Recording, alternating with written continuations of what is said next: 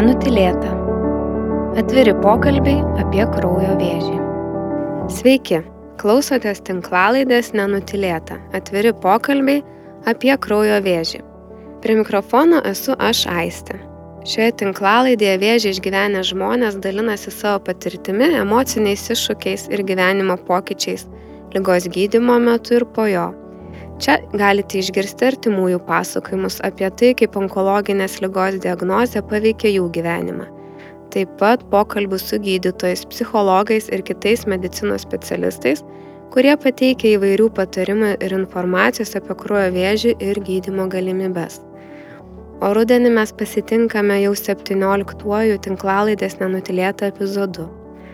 Rugsėjo 22 dieną kasmet yra minima pasaulinė lėtinės mielo leukemijos diena.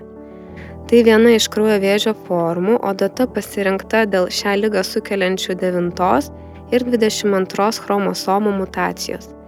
Netrukus leisimės į išsamesnį pokalbį apie lėtinę mielo leukemiją ir man labai malonu pristatyti šio epizodo pašnekovę Vilniaus universiteto ligoninės Santaros klinikų hematologijos, onkologijos ir transfuziologijos centro vyresnėje gydytoja hematologė Ilma Tavorinė. Labadiena, Ilma. Sveiki.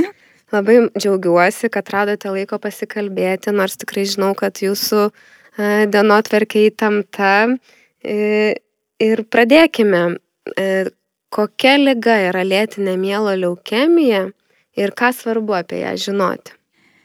Taigi, leukemija yra Dėja, bet tam tikras vėžio tipas ir pati lėtinė mielo leukemija yra viena iš keturių pagrindinių leukemijos tipų. Ir ji būtent prasideda uh, kraujo kamieninių lastelių uh, vietoje, tai yra kaulų čiulpose. Kaip žinia, kaulų čiulpose gaminamos, gaminamos sveikos kraujo lastelės įvairių tipų.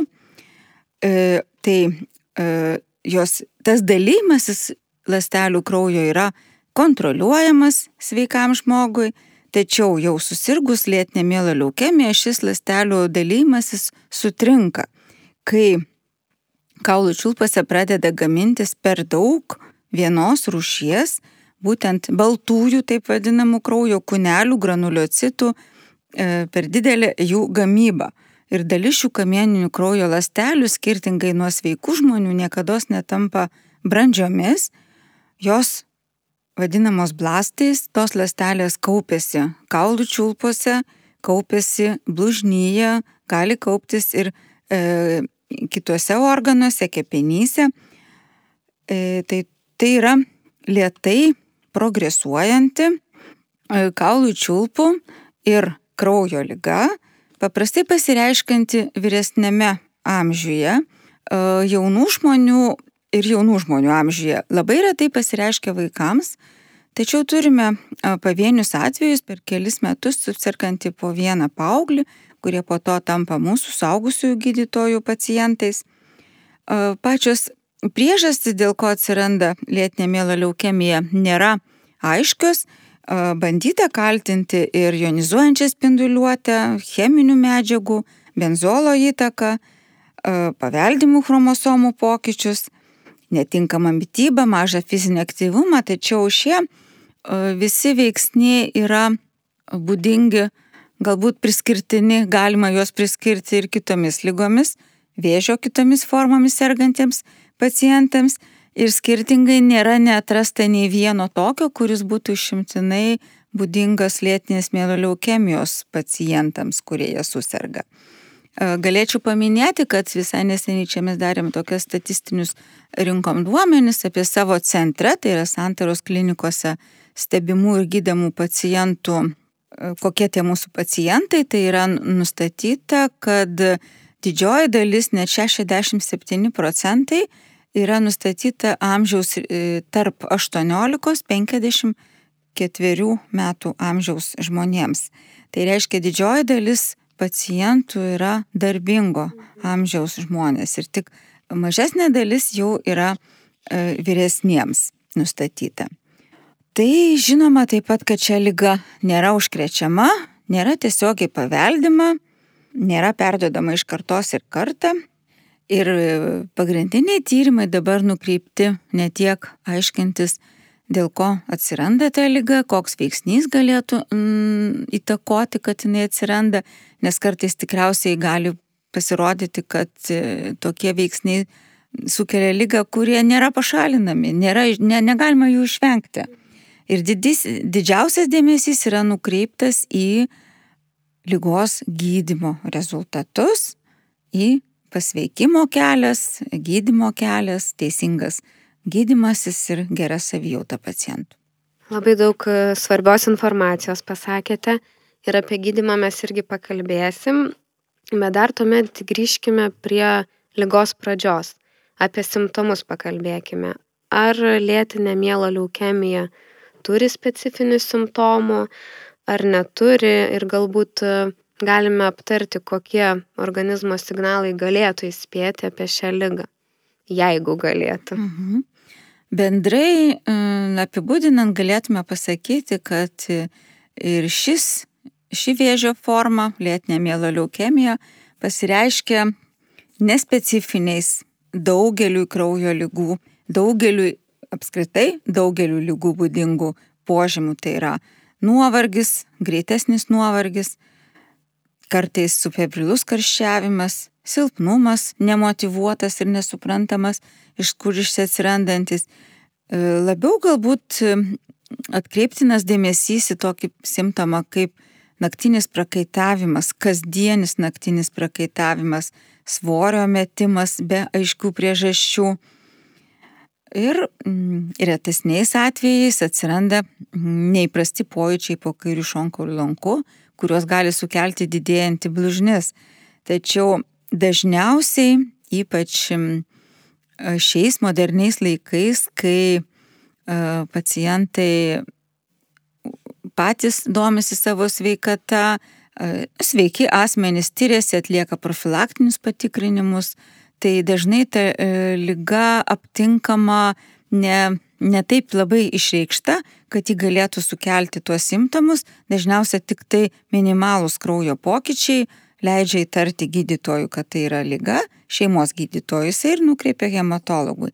Tai vis dažniau sutinkam pacientų, kurie neturi jokių specifinių simptomų, kartais tik tai apklausant, paklausiam, nu, vat, taip, taip prisimena, kad pusmetį gal silpniau jaučiuosi, pusmetį gal greičiau pavargstu, nebegaliu tiek atlikti veiksmų, kiek anksčiau atlikdavau, bet tai tikrai nėra aktyviai išsakomi požymiai. Mhm.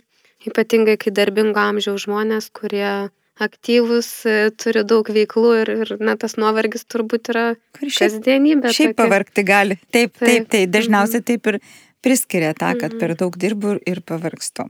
Mhm. O ar gali tuomet, e, žinau, kad daugeliu gali kilti klausimas, nes užsiminėte apie kraujo tyrimą. Ar gali bendras kraujo tyrimas e, kažkaip rodyti įtarimą dėl šios lygos, ar čia vis tiek reikėtų kažkokių ir išsamesnių? Šią lygą parodo, leidžia įtarti, kaip tik leidžia įtarti mhm. bendras kraujo tyrimas. Pakanka padaryti įprastinį bendrąjį kraujo tyrimą, kuriame gydytojas vertina leukocitų, trombocitų ir hemoglobino kiekį ir būtent čia pastebi, kad yra padidėjęs leukocitų skaičius. Aišku, jeigu tai yra vienkartinis įvykis arba jeigu pacientas serga kreipiasi gydytojus nesveikas, jauni žmonės dažniausiai ir kreipiasi tada, kai susirga, ar infekcija, ar peršalimo, ar sukarščiuoja. Jeigu tuo metu kreipiantis mm, randama padidėjęs leukocitų skaičius, tai niekada žinoma nereiškia, kad tai jau yra leukemija. Visada įvertinamos tos kitos priežastys. Bet kuri infekcija, bet kuris uždegimas, kad ir elementarus danties, nesveiko danties uždegimas, gali sukelti padidėjusių leukocitų skaičių. Tačiau jeigu tas padidėjęs leukocitų skaičius yra išlieka ir po mėnesio kito pasveikus nuo tos, sakykim, tariam, buvusios infekcijos, jau tuomet reikėtų atkreipti dėmesį, ypač jeigu jisai yra dar ir su kitais kraujo pokyčiais, tai yra trombocitų kiekis gali būti padidėjęs, hemoglobinas gali būti sumažėjęs, tuomet jau aišku reikia pagalvoti, ar, šiu, ar šiam pacientui nereikia hematologo mm, konsultacijos. Aišku, bendras leukocitų skaičius padidės gali būti dėl kelių leukemijos rūšių, bet čia jau atskiria specialistas. Mhm. Taip. Kokie dar diagnostiniai tyrimai galėtų padėti tarti ir kuo anksčiau diagnozuoti lėtinę mielą leukemiją? Mm, jeigu kalbėti apie įtarti, tai tikriausiai turite omeny šeim, šeimos gydytoją, mhm. ką galėtų įtarti. Taip pat atsitiktiniais atvejais pas mus pacientai patenka, kuriems dėl kažkokių priežasčių arba profilaktinių būdų atlikta pilvo organų ultragarsinis tyrimas. Taip vadinama pilvo organo echoskopija, kurio metu gali aptikti padidėjusią blužnę. Nors ir nedaug padidėjusi blužnis, jau gali kelti įtarimą, kad tai gali būti arba kraujo lyga, aišku, yra ir dar eilė kitų lygų, yra kepenų lygos, kurios gali turėti padidėjusią blužnį. Bet jeigu tai mes turime ir kraujo pokytį, ir padidėjusią blužnį, tai tikrai tokiem pacientams kelias pas hematologus. Mhm. Gerai, tuomet e, galim pakalbėti apie gydimo būdus. Kaip ir minėjot, kad tai yra lėtinė lyga, kas reiškia turbūt, kad ne visuomet tas gydimas iškart ir reikalingas, ar ne?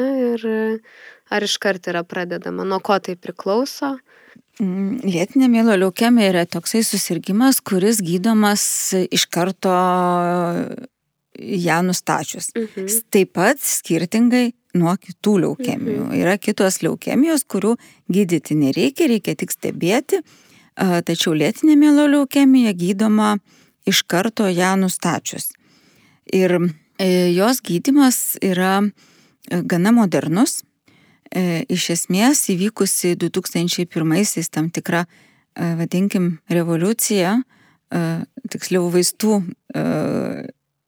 evoliucija, sukėlusi revoliuciją lėtinės miloleukemijos gydime, pakeitus iš esmės lygos, kurios trukmė būdavo įvardyjama kaip 3-4 metai, tai buvo bloga lyga, E, tai ši, šie vaistai pakeitė e, taip pacientų gyvenimą, kad e, ji tapo tiesiog paprastai lėtinė lyga, nefiksuojant kažkokio tai išgyvenamumo termino, jeigu pacientas, aišku, vykdo visus gydytojo nurodymus, jeigu jisai tvarkingai gydosi. Ar tas gydymo būdas yra vienas visiems pacientam, ar vis tik jie yra keli taikomi? Iš principo pats e, gydymo būdas įvardyjamas, e, galėtume jį apibūdinti kaip vieną. Tai yra taikinių terapija, pagrindinis. Taip. Pagrindinis gydimas tai yra taikinių terapija, tai yra uh, vaistai tirozinkinazės inhibitoriai, būtent jų pirmojo imatinibas atsiradimas 2001 e, metais įregistruotas kaip gydimų lėtinė milo leukemija ir pradėjo naują gydimo erą, tai šie vaistai veikia specifiškai jūsų laidos pradžioj paminėta Filadelfijos chromosomos susidarimą, mhm. 9 ir 22 chromosomos, tikslingai ją veikdami, tikslingai veikdami e, tam tikrą BCRL BL geną, jį slopindami, ir taip e, blokuodami neproduktyvių, nenormalių, neišsivyščiusių leukocitų gamybą, stabdydami ją ir kraujas paversdami lygą atgal į lėtinę stadiją, nors suteikdami kraujui normalų vaizdą, o pacientui normalią savijautą. Tai tačiau tų tirozinkinazės inhibitorių pačių yra registruota jau bent penki, kurie gali būti keičiami vienas po kito, jeigu atsitiktinai dėl kažkokių tai priežasčių pacientas jų negali vartoti dėl pašalinių reiškinių arba gydimas tampa neefektyvus, nepakankamai efektyvus. Yra ir mm, naujasis vaistas visiškai užregistruotas šiais metais ir Lietuvoje, asciminibas taip vadinamas. Tai yra E, taip pat kinazės inhibitoriai, veikiantis truputį kitų e, principų, tai jungdamasis prie tokios specifinės miristolio kišenės, jis gali būti moksliniuose tyrimuose derintas netgi su kitais tirozinkinazės inhibitoriais, dviejai vaistai vartojami, retais atvejais ir jo poveikis, veikimo mechanizmas yra truputį kitoks ir dėl to jisai yra skiriamas tais atvejais, kai uh, įprastas gydimas tirozinkinazės inhibitoriais nėra efektyvus mhm. gydimo rezultatams pagerinti. Ar žiūrint į kitas Europos šalis, Lietuvos pacientai šiuo metu gali gauti visą naujausią gydymą sergančią ligą, ar dar yra kažkas, ko mes neturime? Mm, mes galbūt neturime e, vieno vaisto, ponatinibo, tačiau vat, šis paskutinis, apie kurį išnekėjau, siminibas, jo užregistravimas gydimo taikymui, mūsųse visiškai mm, dalinai pakeičia ir e, ponatinibo neturėjimą. Tačiau, žinot, prie tų paskutinių vaistų, kuriuos minime, tai jų poreikis lėtinė mylo leukemija sergantiems pacientams atsiranda išskirtinai retai. Išskirtinai ir net labai retai, e, nes dažniausiai vienas ar kitas tirozinkinazės inhibitorius vartojamas atveda iki pacientą iki tokių, tokios būsenos, tokios lygos būklės, kuomet e, tiesiog ir negalvojama apie kitą gydimą, nes pakankamai veikia e, paskirtasis e, pirminis gydimas. Mhm. O taip kalbant paprastai, ar taip ir yra, jūs patvirtinsit arba paneiksit, kad e, susirgus lėtinę mielą leukemiją ir jau vat, gavus gydimą, tai žmogus tiesiog turi e, gerti kiekvieną dieną vaistus, ar ne? Taip, tai yra pagrindinis ir yra paciento užduotis, tai yra tokie trys dalykai - kiekvieną dieną gerti vaistus, reguliariai paskirtų laiko, laiku daryti specialius genetinius molekulinius tyrimus, kurie vertina atsaką lygos. Ir e, trečias, tikriausiai galbūt stebėti, domėtis tais tyrimais ir ką jie jam reiškia, nes kartais uh, žinojimas dažniausiai tai būtų geras rezultatas, geras teiginys gydytojo ir žinojimas gerų žinių mm, tikriausiai padeda gyventi, susitaikyti su tai, kad tenka gerti vaistus, tačiau jokių būdų neturėtų būti ženklų, kad galima pradėti pamiršinėti vaistus, praleidinėti vaistus ir taip, aišku, savo galima pakengti. Mhm. Tai svarbu domėtis pacientams šią lygą ir būtent tuo gydimo būdu ir, ir kodėl reikia tos vaistus kiekvieną dieną gerti, ar ne, turi tą motivaciją išlikti žmogui. Žinot, nustačius lygą dažniausiai gydytojas paaiškina, kad šitie vaistai jau jums visam, visam gyvenimui priskirtini, nes gydimas tai nėra, tai nėra chemoterapija, kuri kažkaip tai sunaikina blogas lasteles ir jų daugiau neatsiranda. Nes dėl to genetinio pokyčio, kuris įvykęs pas pacientą, tos lastelės nuolat gali atsinaujinti, atsinaujinti ir atsinaujinti. Todėl gydimas reikalingas nuolatinis, kad jas jų kiekį mažintų, mažintų ir pastoviai palaikytų labai mažą, o kartais net ir neaptinkama tyrimais e, kiekį tų blogų lastelių. Todėl mm, paprastai pacientams gydytojai kart, pakartoja dažnai, kad reikia ger, reikės gerti nuolat vaistus. Pacientai patys paklausia, jeigu jau dabar gerai, tai gal galiu nutraukti. Tai čia vėlgi mes užakcentuojame, kad e, gydimas dėja, bet yra testinis, nuolatinis. Ir tenka su tuo susitaikyti. Žinoma, tai nėra labai sudėtinga, nes tai nėra chemoterapija leidžiama, nuo kurios kažkas labai bloga darosi. Jie tiesiog geria tabletės. Vienais atvejais vieną kartą per dieną, kas tikrai nelabai sudaro problemų, kitiems dėja tenka du kartus per dieną vartoti vaistus ir su tam tikru priderinimu prie maisto režimo, prie valgymo režimo. Čia truputėlį sunkiau, bet, žinot, per kažkurį laikotarpį pacientai sako, jau aš taip įpratau, kad visai neturiu problemų, žino savo da, dienos darbo valgio režimą, pagal jį ir gyvena.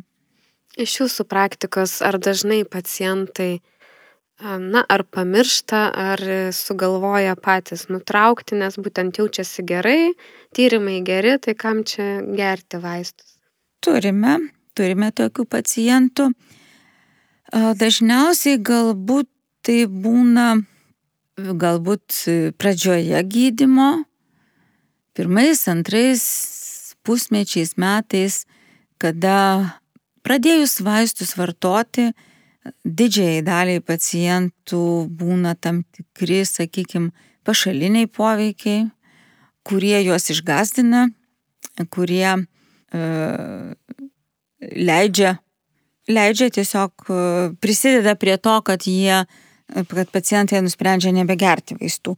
Ypač jeigu prieš tai gydytojas būna pasakęs, kad va jūsų tyrimai pagerėjo, galime pasidžiaugti, kartu pasidžiaugia, Na, tada pacientas kartu nusprendžia, nu tai jeigu jau taip gerai, tai aš negersiu. Taip, sutinkame, kartais mm, ne visai teisingai interpretuoja tą vaistų paskirimą. Jeigu skiriama dėja yra vaisto formuluotė tokia, kad e, gal, tenka gerti keturias tabletės. Mhm. Tai kartais jie tas keturias pasidalina per dieną į keturias dalis. Na, čia toks truputį mažesnis pažeidimas negu visai, kad nutraukti bet būna, kad ir nutraukia. Kita dalis pacientų, aišku, apie nutraukimo, savavališką nutraukimą vaistų kalbame iš retai, tikrai labai retai.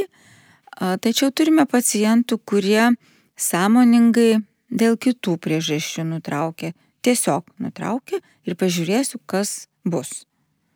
Tai va, bet šiaip dažniausiai pavyksta įkalbėti arba tiek e, suteikti informacijos, kuri tampa priimtina ir suprantama visiems pacientam. Ir tiesa, mano pačios praktikoje, tai tikrai per tiek daug metų keletą pacientų, kurie nusprendė šių vaistų nevartoti.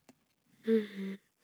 Ir ar žinot, kaip, kaip paskui istorija susiklosti, ar jie grįžo pas jūs? Žinoma, kad grįžo. Visi pacientai sugrįžta, visi sugrįžta ir, ir, ir tuomet vėl iš naujo kalbame ir, ir atnaujina gydimą. O kaip manat, kodėl sunku priimti tą tokį principą, kad reikia gerti vaistus iki, nu, sakykime, iki, iki pat gyvenimo pabaigos, ar ne? Nes ar yra tas įsitikinimas, kad jeigu sergu, išgeriu vaistą, mane pagydo ir, ir va čia ir baigėsi vaisto darbas. Ar čia toks reikia naujo supratimo? Taip, teisingai pasakėt, reikia naujo supratimo, nes, žinot, yra mm, lygos, kurios e, elementariai sloga, susirgau ir pasveikau, kiek ten gydžiaus, kiek ne. Plaučių uždegimas, akmelgės, Taip. operacijos, e, širdies kokie ritmo sutrikimai, ten stimulatorių ir sutvarkė apie nuolatinį vaistų Visų lygų atvejais nuolatinis vaistų vartojimas um, žmogui sukelia um, nekokias emocijas, ir, o jeigu dar tas vaistas turi kažkokį pašalinį poveikį, tai tikrai lengvai gali nuspręsti, kad nevartoti toliau, netesti tokio gydimo. Tai aišku, paciento darbingo amžiaus, jie tiesiog nebūna pratę vartoti kasdieną vaistus, o čia paskiria lygą, pas, paskiria vaistus nustačius lygą ir atrodo, kad pavirtau ligoniu. Mhm. Tas vaisto vartojimas netgi primena, kad e, yra ta lyga. Taip. Nu, ir apsunkina. Mhm. Ir apsunkina būti, apsunkina polsi, polsio režimą, kartais Užsiminėte ir apie šalutinius reiškinius ir manau, kad tikrai reikėtų aptarti ir juos, kokie galbūt dažniausiai gali pasitaikyti e, gydantis lėtinę mielą leukemiją. Mm, pašaliniai poveikiai pacientams skiriasi priklausomai nuo vaisto, kurį vartoja. E, nors visi minėti mano vaistai priklauso vienai grupiai, tirozinkinazės inhibitoriai, Tačiau vieniems e, būdingi, labiau būdingi vieni pašaliniai poveikiai, kitiems kiti. Tai vad e, pagrindinis vaistas pirmos eilės pasirinkimo vaistas, imatinibas, tai pasižymi tokiais pašaliniais poveikiais kaip akių, paakių, čiurnų patinimais. Tiesiog vandenį sulaikantis poveikis, tai jis pasireiškia minkštų vietų patinimais, mm. edemos, kartais pakiai, ypač pradėjus vartoti vaistus, pakiai gali stipriai aptinti. Kitas požymis labai dažnai ir dėja, bet varginantis ilgą laiką, išliekantis ilgam, reikalaujantis papildomų e, vaistų vartojimo, tai yra mėšlungiai, raumenų mėšlungiai. Tai e, juos mes paprastai mm, e, kupiruojame gana didelėmis magnio preparatų dozėmis. Na ir tikriausiai pats labiausiai nemalonus ir labiausiai nepageidaujamas reiškinys tai yra žymiai greičiau atsirandantis nuovargis. Jėgų trūkumas. Jeigu pacientas iki diagnozės susirgęs gali jaustis silpniau, greitesnis nuovargis dėl atsiradusios lygos, tai pradėjus vartoti vaistus ir netgi tais atvejais, kai praėjus metam kitiem mes jau teigiame, džiaugiamės gydimo rezultatais, kad rezultatai yra puikūs, kraujas, visi rodikliai normos ribose, genetiniais tyrimais nebenustatom to lygą sukeliančio geno, bet pacientas turi greitesnį nuovargį ir bendrą silpnumą. Tai va būtent tokie, va, tie mano minėtai pasireiškia vartojant imatinibą. Kitas vaistas yra nilotinibas, tai yra vaistas, kuris uh, retais atvejais skiriamas pirmai eiliai lygai gydyti, kada yra uh, pacientui nustatoma didelės rizikos mėlo leukemija, reiškia, kad jinai gali būti greičiau išvirsti į uh, savo pas, vėlesnės stadijas, tai tas vaistas skiriamas ir tais atvejais, kai pirmasis įmatinibas nepakankamą atsaką sukelia. Tai Mm, skiriamas nilotinibas, jisai a, žymiai mažiau turi pašalinių poveikių vartojimo metu. Tai nėra ir pykinimų, vėmimų, nėra mėšlungio, nėra ir nuovargis žymiai mažesnis. Tačiau šis vaistas a, turi tam tikrų atokiųjų pašalinių reiškinių. Tai yra kardiologinės kraujagyslinės problemos, ilgą laiką vartojant nilotinibą, taip pat ir vėlesnės kartos kitus tirozinkinazės inhibitorius, pacientams gali išsivystyti ankstyvesnė nei būtų atsiradusi be vaistų arterijų aterosklerozė, iš to sekantis insultai galimi, greičiau atsirandantis infarktai. Todėl visada prieš skirdami tą vaistą gydytojai a, įvertina, ar pacientas neturi iš anksto tokių lygų, kurios galėtų būti paumintos paskirto vaisto ir jiems yra skiriama dažne, didesnė priežiūra, turimo meni cholesterolio, kas formuoja aterosklerozę, gliukozės kontrolę nes būtent e, nilotinibas gali padidinti ir gliukozės kiekį sukeldamas cukrinį diabetą tiems, kurie turėjo predispoziciją cukriniam diabetui, tai anksčiau jisai išsivysto ir taip pat e, hipercholesterolemiją, iš to sekančią kraujagyslių problemas, būtent gali padidinti cholesterolio kiekį nilotinibas. Tai vėlgi didesnė atida turėtų būti ir stebint pacientą pas šeimos gydytoją ir pas hematologą. Mhm. O dar kalbant apie gydimą, ar yra atvejų, kuomet galima nutraukti, ar vis tik vis tiek dar laikomasi tos nuostatos, kad reikia vartoti vaistus? Čia taip geras klausimas. Tokį klausimą užduoda paprastai visi pacientai, kuriems nustatoma lyga, visi klausia, ar aš čia turėsiu visą laiką tą vaistą gerti, ar kažkada nutrauksim. Šiaip siekdami, kad pacientas tikrai gertų vaistus ir savo padėtų, mes visuomet sakome, kad tai yra lėtinė lyga ir vaistai reikalingi bus visą laiką.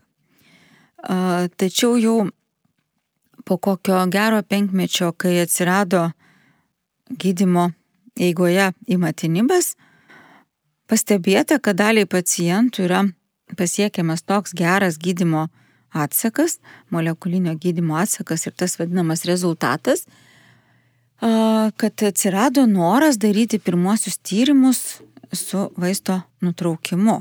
Nutraukus vaistą stebėta, kas atsitiks.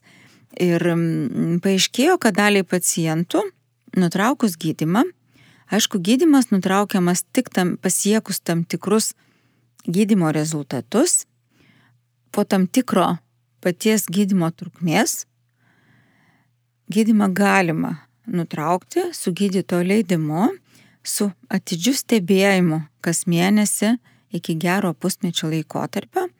Tai vad būtent pasiekus tokį gerą gydimo rezultatą su dalim pacientų, mes irgi pradedame šnekėti, kad galime jums gydimą nutraukti. Tai vad to mokslinio tyrimo metu buvo nustatyta, kad um, po dviejų metų net 46 procentai pacientų išliko nevartojantis vaistų ir mm, turintis tą vadinamą labai mažą lygą, kurios mažai, mažas kiekis ir beaptinkamas to blogo geno. Kitiemgi pacientams teko grįžti prie gydimo ir toliau tęsiant tą gydimą rezultatai išliko geri. Taigi gydimo nutraukimas tokiems specifiškai labai atidžiai atrinktiems pacientams teoriškai ir praktiškai galime sakyti, kad galimas. Bet tai neturėtų būti, aišku, paties paciento iniciatyva, kada noriu, tada nutraukiu. Mhm. Jeigu grįžtant, va, čia galbūt ta pati proga pasakyti apie tą mūsų statistiką, tai kaip jau minėjau, kad santaros klinikoje stebime apie 245 lėtinė mieloliukemija sergančius pacientus, iš kurių medikamentinis gydimas yra nutrauktas apie 35 pacientus.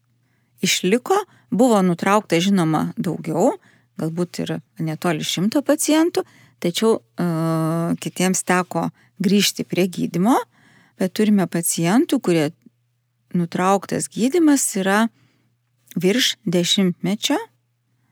Aišku, jie toliau reguliariai stebimi, atliekami reguliarūs molekuliniai genetiniai tyrimai, kurių pokyčiai leistų mums laiku atnaujinti specifinį gydimą tirozinkinazės inhibitoriais. Bet jau tas veiksmas, mes čia taip kalbam, kad mhm. galbūt tai galėtų būti uh, tam tikra viltis pacientams, nu kaip, kaip galimybė galbūt turėti tam tikrą vat, loterijos biletą, tą pasiekti. E, tačiau iki penkių metų gydimo net nepradedame apie tai kalbėti. Nes gydimo nutraukimo sąlygos turi būti vaistas vartotas ne mažiau kaip 5-6 metai ir tas ypač geras genetinis tyrimo atsakymas turi būti ne mažesnis kaip 2-3 metų trukmės. Tai tik su tokiais pacientais galime kalbėti, kad jums jūs pasiekėte tokį gydimo etapą, rezultatų etapą, kada galima kalbėti apie nutraukimą. Kadangi, kaip ir minėjot, e, amžių šitų pacientų, tai, tai yra ir darbingi žmonės, ir žmonės, kurie kuria šeimas, kaip yra tais atvejais, kai nori planuoti vaikus, neštumus, ar yra suderinama su vaisto vartojimu, ar, ar kaip tada yra daroma ką galima pasakyti žmonėm, kuriem galbūt kyla toks klausimas? Nu, galime atsakyti, kad e, to vaisingumo ir lėtinės mieloliukemijos, vaisingumo klausimo ir lėtinės mieloliukemijos santykis laikui einant keitėsi. Jeigu mes prieš, prieš 15 metų pasakydavome, prieš 10 metų, kad tiek vyram, tiek moterim dėja jūs gerdami vaistus negalite mm, planuoti susilaukti palikonių, susilaukti vaikų.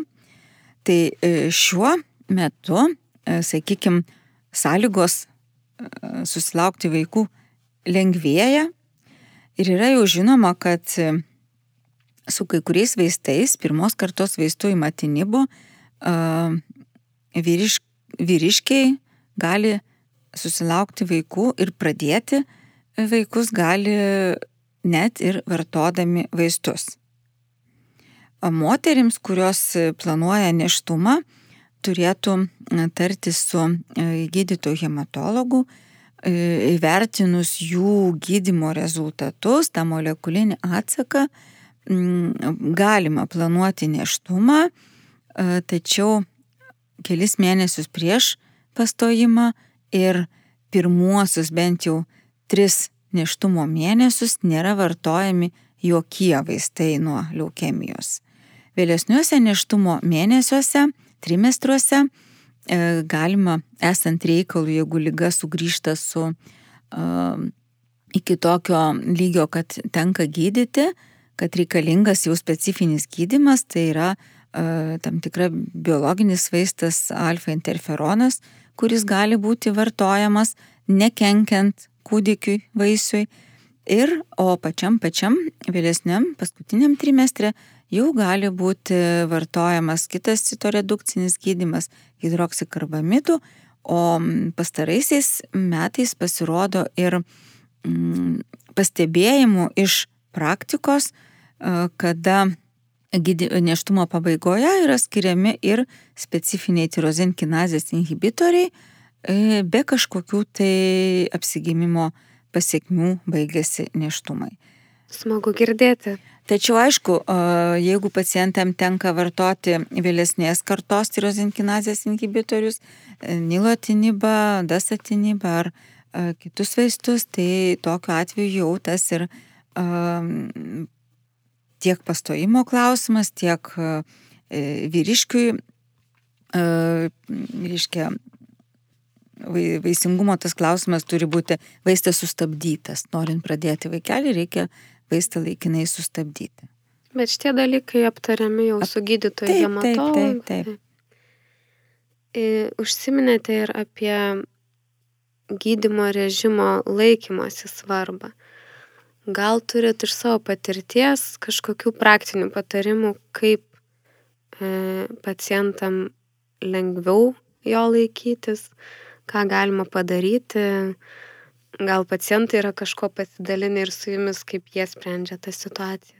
Tai greičiausia, tai ir yra tikriausiai tokie bendri pastebėjimai iš pacientų, kaip jie sprendžia tą situaciją, nes kaip tais atvejais, kai vaistą vartoti pakanka vieną kartą per dieną ir po valgio, tai tikriausiai paprasčiausia spręsti, kad e, vaistas turėtų būti matomai vietoj prie kažkokio tai įprastinio, e, kasdieninio maisto valgymo vietos.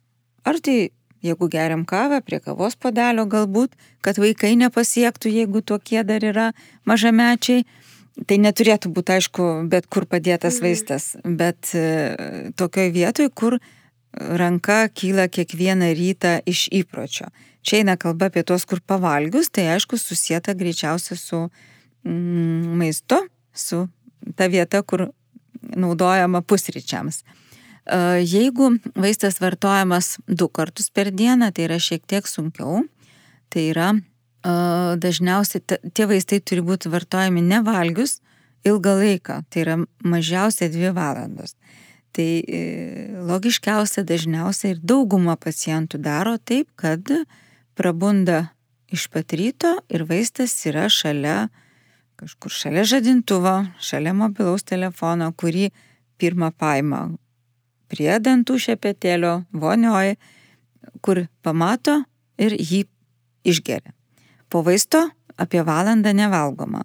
Tai praktiškai taip ir būna, kad kol pacientas susiruošia į darbelį, jau jisai gali ir valgyti. Aišku, esu girdėjusi ir tokių įvairių, kad prisis, nusistato žadintuvą nakčiai Ketvirta prabunda, išgeria tabletes ir toliau, uh, toliau miega savo mėgelį iki reikalingo kelimosi laiko. Mhm.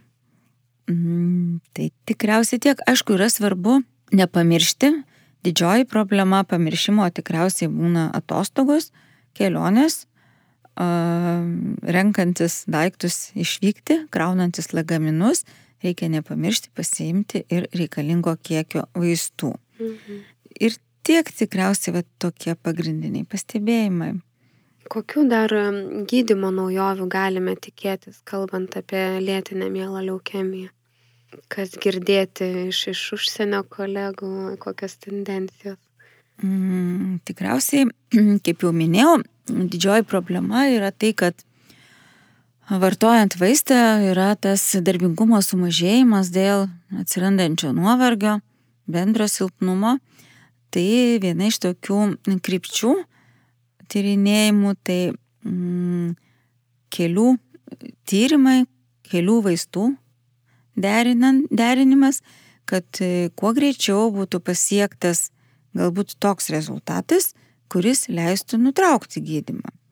Aišku, tai yra e, kelių vaistų vartojimas, jis yra e, finansiškai brangesnis, nes jis yra keli, e, tie naujausi, naujausios kartos tirozinkinazės inhibitoriai yra brangus vaistai, tačiau, aišku, pagrindinis dalykas tai yra tyrimai, kurie būtų skirti įvertinti, kaip pacientas jaučiasi vartodamas dviejus vaistus, nors ir, sakykime, tolimuoju tikslu nutraukti gydimo.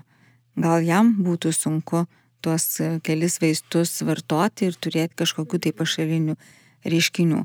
Mes kol kas Lietuvoje mūsų nėra pasiekę tokie klinikiniai tyrimai, kurie būtų e, bandę e, tą opciją turėti kelis tirozinkinazės inhibitorius derinyje yra atliktas tyrimas vartojant nilotinibą tiems pacientams, kuriems su pirmos kartos vaistų įmatinibu nėra pasiektas nu, tas super geras atsakas, kuris leistų kažkada kalbėti apie vaisto nutraukimą. Tai tokiem pacientams yra pakeistas gydimas į antros kartos tirozinkinazės inhibitorių nilotinibą, su juo pasiektas geras atsakas po kelių metų gero atsako vaistas nutrauktas. Tai va tokie tyrimai yra atlikti, tačiau ir juose, ir kitose tyrimuose, kuriuose nilotinibas skirtas nuo pat pradžių lygai gydyti ir pasiekus gerą atsaką gydimas nutrauktas, abiejose nutraukimo po nilotinibo pacientų grupėse e, lyga sugrįžta panašių dažniu nei kad kalbėjau apie kalbant apie įmatinibą, kur po ilgesnio vaisto vartojimo pasiekiamas tos pačios sąlygos. Liga sugrįžta apie mm, praktiškai pusiai, kas antram pacientui, lyga sugrįžta, tuomet tenka atnaujinti anksčiau skirtą gydimą ir toliau jį tęsti nuolat.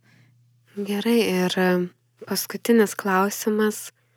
Visą, visą laiką tinklalaidai pašnekovų klausiu, ko palinkėtumėt ar ką pasakytumėt žmogui, kuris e, štai va tik neseniai sužinojo lėtinės mielo leukemijos, o galbūt ir kitos e, kraujo lygos diagnozę. Ir e, turbūt natūralu, kad yra ir nežinioje, ir pasimetęs, ir daug klausimų. Tai ką jūs norėtumėt pasakyti, palinkėti? Mm, tikriausiai dažniausiai visada ir sakau, kai mes pasakom pacientui blogą žinią, kad jisai serga kraujo lyga, viena ar kita, ir ta pačia lėtinė mėlo leukemija, tai visada, apart to, kad e, mes susakom, kaip reikės gydytis, visuomet stengiamės pasakyti, kad yra gydimas, kuris gali jums padėti. Visada linkime pasitikėti gydytojais, kurie tikrai linki pacientui gero. Ne tam skiria gydimą, kad kažkaip pakengti, o tam, kad padėti. Pasitikėti gydytojais, labai linkiu turėti palaikymą šeimos, artimųjų, kad tuo e, lemtingu metu, kada mes nustatom tokią lygą, paskiriam gydimą, būtų palaikymas, e, išklausimas ir galbūt net ir girdėjimas gydytojo kartu su pacientu, kad tas artimasis su pacientu dalyvautų, girdėtų, ir ateity namuose, kai nebus šalia gydytojo, kuris guodžia, kad galėtų irgi pasakyti mm, žodžių, kurie pacientą padrasintų. Na, o lėtinė mėlo leukemija pacientams tikrai noriu pasakyti, kad e, mokslas ir toliau vystosi, kad atsiranda vis vienas po kito kažkokie nauji tirozinkinazės inhibitoriai, tai būtent taikinių terapijos vaistai, kurie mm, neribotai e, leidžia gyventi pilna verti gyvenimą, džiaugtis gyvenimu. Tai šalia tos blogos žinios vis tiek yra ir gera žinia, kad yra gydimas, kuris tikrai padeda. Tai šiai lygai mes tokį, e, tokį sakinį galime pasakyti. Mhm. Ilma, labai dėkoju Jums už pokalbį skirtą laiką ir e, naudingą informaciją apie lėtinę mielą leukemiją. Taip pat noriu atkreipti dėmesį, jog šiuo metu asociacija Kraujas vykdo lėtinę mielą leukemiją sergančių pacientų apklausą apie lygos sukeltus gyvenimo kokybės pokyčius, kurioje aktyviai kviečiami dalyvauti tiek sergantieji, tiek ir jų artimieji. Šios apklausos rezultatai padės geriau suprasti pacientų patirtį ir lygos keliamus iššūkius, o aktyvus e, jūsų dalyvavimas yra itin svarbus asociacijai kraujas, siekiant kuo geriau atstovauti pacientų poreikius. Tyrimas yra skirtas žmonėms nuo 18 metų, kuriems yra diagnozuota lėtinė mieloleukemija ir asmenims, kurie rūpinasi šią ligą sergančiai žmonėmis. Dalyvauti tikrai paprasta, tai reikia skirti 10-15 minučių ir užpildyti visiškai konfidencialią apklausą. Jūsų atsakymai liks anonimiški ir tikrai neturės jokios įtakos jūsų gaunamai sveikatos priežiūrai. Daugiau informacijos apie apklausą ir apklausos nuorodą rasite interneto puslapyje www.kruos.lt. Ačiū visiems, kurie klausėte šio epizodo. Jeigu šis pokalbis jums pasirodė įdomus, pasidalinkite juo su kitais savo socialinėme tinkle. Na, o tinklalaidę nenutilėtai gyvendina asociacija Kraujas, kuri vienyje kraujo lygomis sergančių žmonės jų artimuosius, medicinos specialistus ir kitus asmenis, kurie palaiko asociacijos veiklą. Tinklalaidę siekiame suteikti daugiau informacijos apie kraujo ligas ir su jomis susijusios problemas, padėti primti lygą, įkvėpti drąsos ir parodyti, kad nors gyvenime po kraujo vėžio diagnozės atsiranda pokyčių, jis tikrai nesustoja, gali džiuginti ir būti visavertis. Daugiau informacijos tiek apie asociacijos kraujas veiklą, tiek visus tinklalaidės epizodus visuomet galite rasti mūsų interneto puslapyje ir Facebook paskyroje. Iki kito karto.